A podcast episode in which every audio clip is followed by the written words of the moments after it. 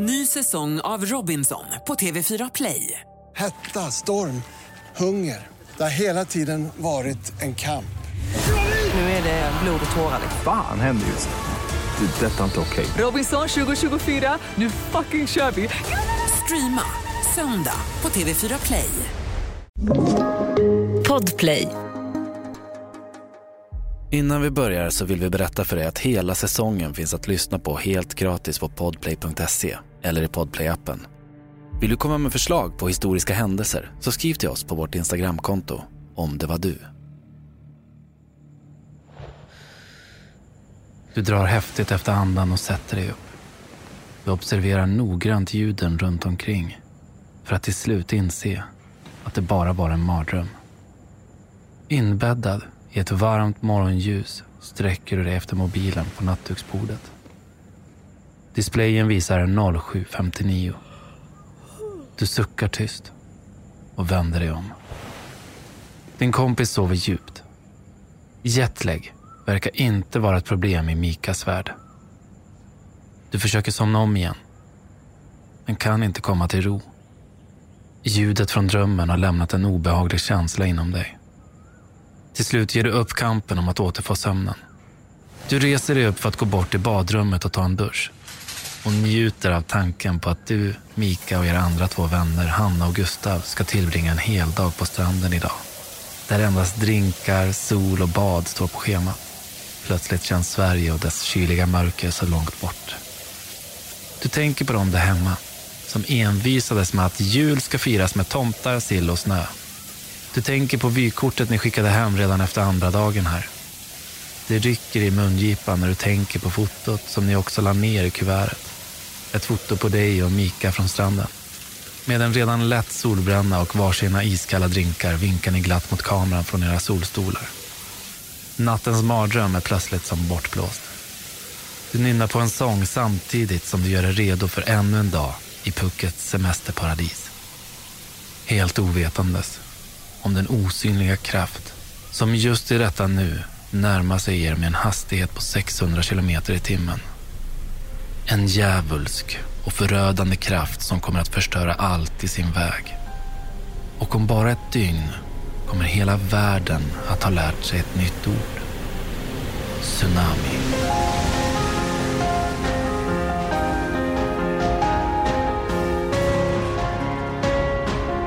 Om det var du, en podcast av Erik Mylund Manus är baserad på faktiska och tidsenliga detaljer samt vittnesberättelser, men fiktiv i den bemärkelse att du själv blir huvudperson i en av historiens mest omskakande händelser. Till det här avsnittet har vi fått hjälp från Anna William Olsson som var på plats när vågen slog in över land. Avsnittet bygger på hennes iakttagelser. Bearbetat av Erik Myrlund och Josefin Måhlén.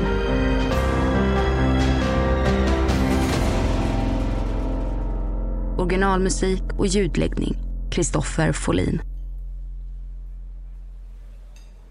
Ni kliver in till Palm Andaman Beach Resorts maffiga frukostbuffé.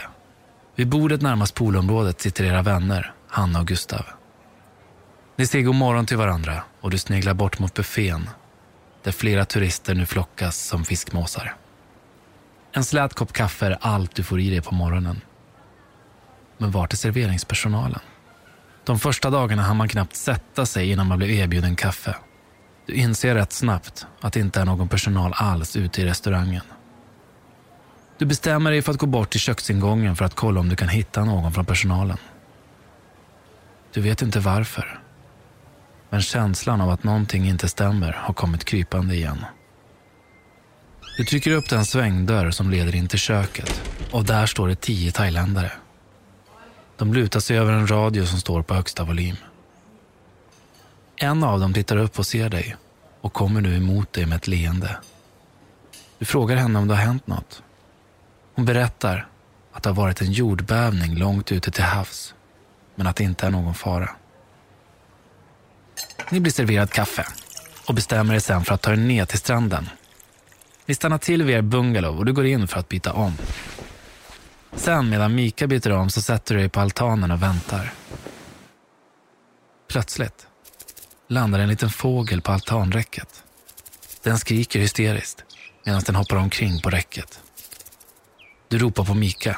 Innan du hunnit avsluta meningen så flyger plötsligt fågeln och hundratals andra fåglar iväg. Som på ett givet kommando. Det blir tyst. Allt bakgrundsljud är borta. Det är som att allt ljud tagits bort förutom vinden som blåser genom palmerna. Tystnaden bryts plötsligt av att någon skriker. Det är Hanna som kommer springandes. Vattnet är borta. Vattnet är borta.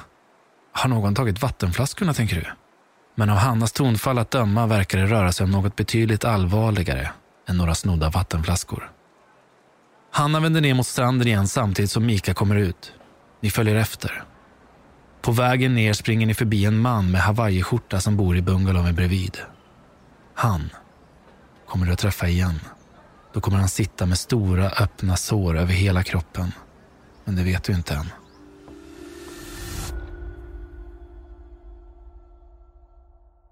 Ny säsong av Robinson på TV4 Play. Hetta, storm, hunger. Det har hela tiden varit en kamp.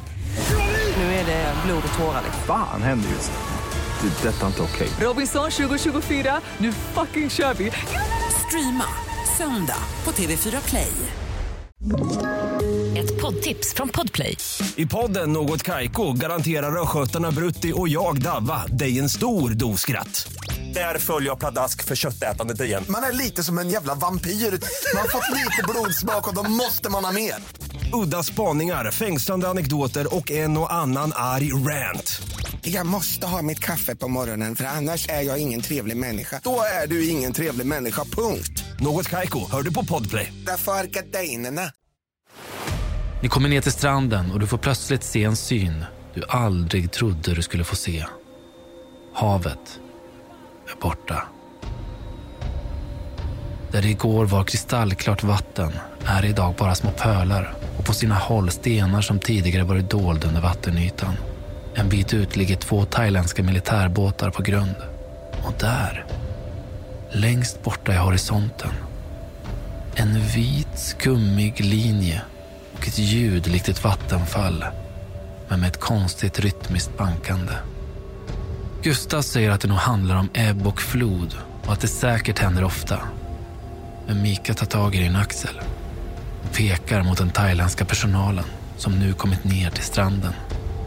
Varför skulle hon ta sig ner hit för att titta på något som i sådana fall sker dagligen, säger Mika. Vi måste dra, säger du. Du vill bara bort härifrån. Mika går några steg mot havet. Hallå, det här känns inte bra. Vi måste dra, upprepar du. Mika vänder sig om mot dig och skriker plötsligt med allvar och förtvivlan i rösten. Spring!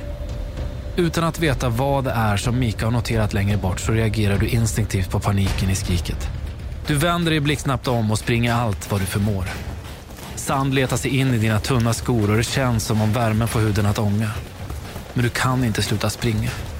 Pulsen slår hårt. Du springer upp för stranden, förbi alla bungalows och förbi poolområdet. Du springer igenom receptionen. Du hör dig själv skrika något medan du skyndar ut genom huvudentrén och till en gata som leder upp mot byn. Du fortsätter upp för en lång backe innan du till slut vågar stanna upp. Du ser dig omkring och märker att ingen annan springer. Ingen skriker. Och ingen försöker fly. Allt du hör är bara din egna andning och dunkande hjärta. Samtidigt som du är andfådd, förvirrad och skärrad känner du dig dum och fånig som bara sprungit iväg sådär. Plötsligt kör en bil förbi dig i ilfart. Din hörsel är tillbaka och du kan ta in ljud från omgivningen igen. En man kommer springandes med sin son i famnen. Sonen skriker i ren och skär panik att han inte vill dö. Från att ha varit helt själv så är det nu hundratals människor som kommer springandes från alla håll och kanter. Mopeder och bilar susar förbi i hög hastighet. Spring! hör du en bekant röst säga. Det är Hanna. Hon har kommit ikapp dig och rycker tag i din arm. Vad är det som händer? frågar du. Spring bara, uppmanar hon dig. Du tar efter och ni kommer upp till krönet på själva huvudgatan. Du ser en pickup lastad med ett tiotal människor komma farande från ena hållet. Och Hanna tvekar inte en sekund, utan stannar tvärt upp och ställer sig mitt i vägen för att tvinga bilen att bromsa in. Hanna ropar till dig att hoppa på där bak på flaket och du gör som hon säger. Några killar längre fram på flaket börjar stressat banka på biltaket. Som för att mana föraren att fortsätta köra. Bilen börjar rulla igen. Du pustar ut en aning tills du hör någon ropa bakom dig. Du känner väl igen rösten. Det är Gustav. Du vänder dig om och ser hur han kommer springandes upp för krönet. Ansiktet är rödflammigt och paniken lyser i hans ögon. Och då, precis då, sker det ofattbara.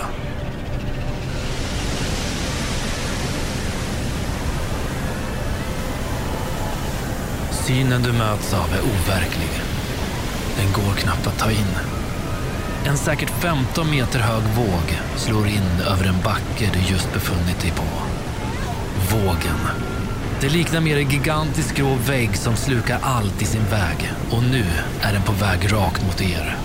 Du ser desperationen i Gustavs steg när han försöker komma ikapp pickupen som börjat rulla. Ni skriker på honom att han ska springa fortare. Men Gustav springer redan så snabbt han kan. Vågen tar sig allt närmare och närmare. Du och Hanna sträcker ut era armar för att försöka få tag på Gustav. Ni måste klara det här. Kom igen nu. Vågen är endast 30 meter ifrån er nu och ja, tack och lov. Med den intensiva styrka adrenalinet frambringat lyckas ni till slut dra upp Gustav på flaket. Lättnaden varar dock inte länge. Det är en kamp om hastighet och du hör hur bilen accelererar. Ni håller i er och ber för era liv att pickupen ska vara snabbare än den enorma vålnad bakom er. Och sakta ser du hur avståndet mellan er och vågen ökar. Samtidigt som en viss lättnad sprider sig sluter du dina ögon och tänker förfärat. Vart är Mika? Mannen som kör verkar ha god lokalkännedom. Han gör en högersväng och kör in på en mindre väg som leder mot ett berg. Bra, tänker du. Vi måste uppåt. Du tittar hela tiden bakåt för att försäkra dig om att vågen inte ska komma ikapp. Det gör den inte. Den syns inte längre. Gång på gång återkommer den svidande frågan. Vart är Mika? Allt sker nu väldigt snabbt. När ni åkt genom djungeln en stund så kommer ni fram till en glänta fylld av bilar. Det är kaotiskt och ingen kommer fram. Det är för trångt. Ni bestämmer er för att hoppa av flaket och fortsätta till fots. Det är människor överallt. En del skriker av smärta efter att ha skadat sig. En del ropar efter nära och kära. Medan andra sitter ihopsjunkna. Som att de inte riktigt greppat vad som har hänt. De tittar tomt framför sig.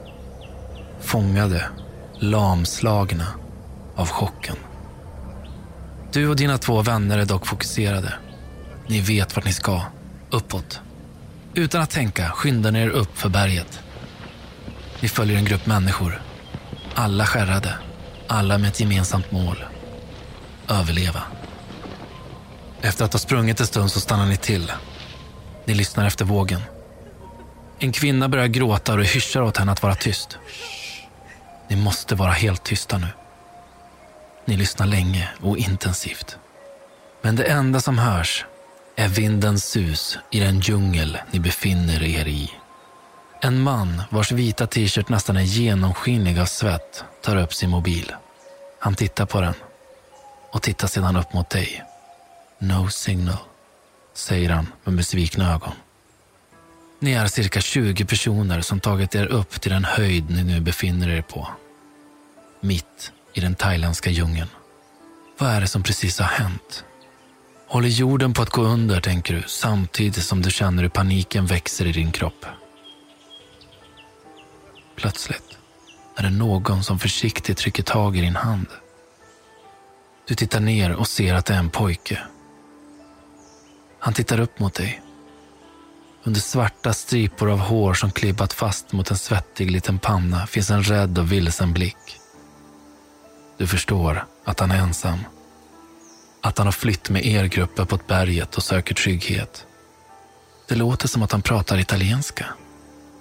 En bit bort håller några thailändare på att packa ihop de få saker de hade med sig. Vart ska de? Du springer fram till en av männen och frågar. Mannen pekar mot en stig och säger Water, vatten. Du samlar snabbt ihop ett gäng, inklusive dina vänner och den lilla pojken. Ni bestämmer er för att följa med. Ni vandrar genom djungeln. Du har fortfarande dina badkläder på dig. Tysta vandrar ni vidare. Alla lyssnar spänt hela tiden efter vågen. Efter att ha vandrat en stund kommer ni till slut fram till ett vattenfall. Det är redan ett tiotal människor där.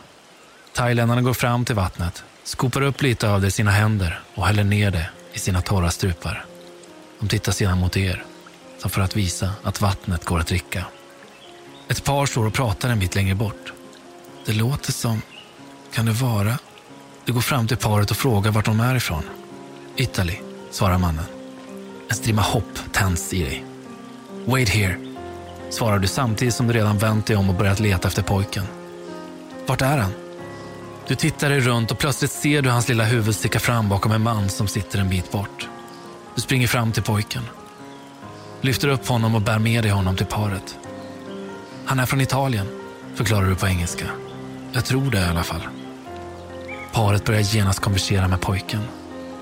Det visar sig att en äldre man hade hjälpt pojken upp på berget. Men att de sen kommit ifrån varandra. Pojken har ingen aning om vart hans föräldrar befinner sig. Du vänder dig om med gråten i halsen. Du behöver sätta dig. Samla dig och andas. Vart är Mika? Du dricker av vattnet och blöter ner ditt hår. Du borrar ner ansiktet i dina händer. Och det är då tankarna kommer. Du ser hur Mika dränks av vågen.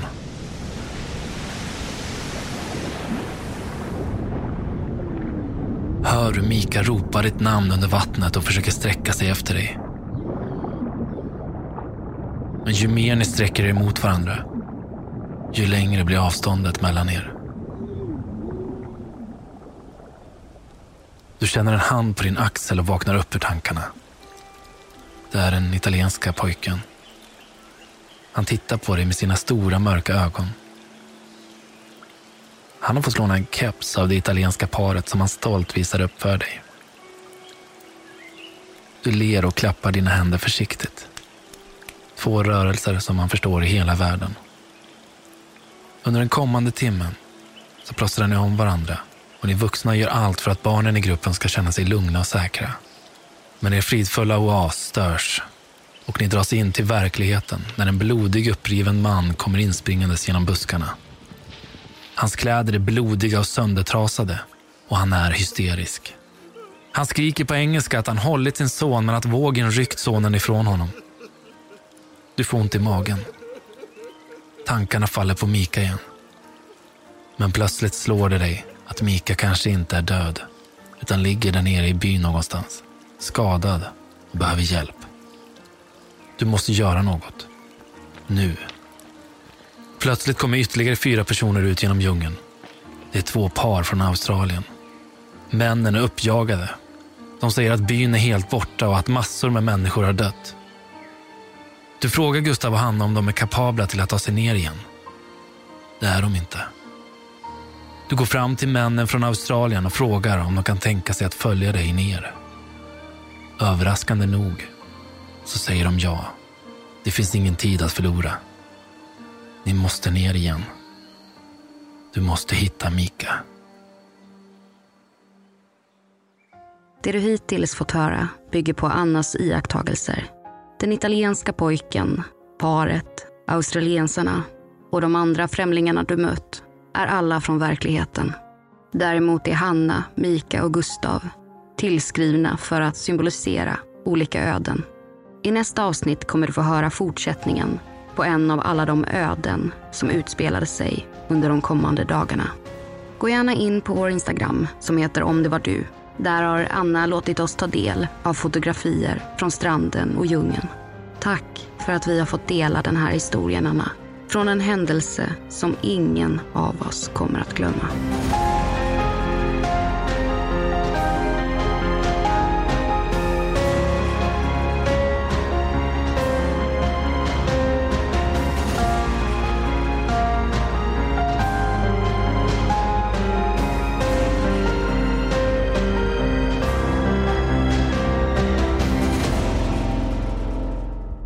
Kan du inte vänta till nästa vecka så kan du redan nu gå in på podplay.se eller podplay-appen och lyssna helt gratis redan nu. Podplay, en del av Power Media. Ett poddtips från Podplay. I fallen jag aldrig glömmer djupdyker Hasse Aro i arbetet bakom några av Sveriges mest uppseendeväckande brottsutredningar går vi in med hemlig telefonavlyssning och, och då upplever vi att vi får en total förändring av hans beteende. Vad är det som händer nu? Vem är det som läcker? Och så säger han att jag är kriminell, jag har varit kriminell i hela mitt liv men att mörda ett barn, där går min gräns. Nya säsongen av Fallen jag aldrig glömmer på Podplay.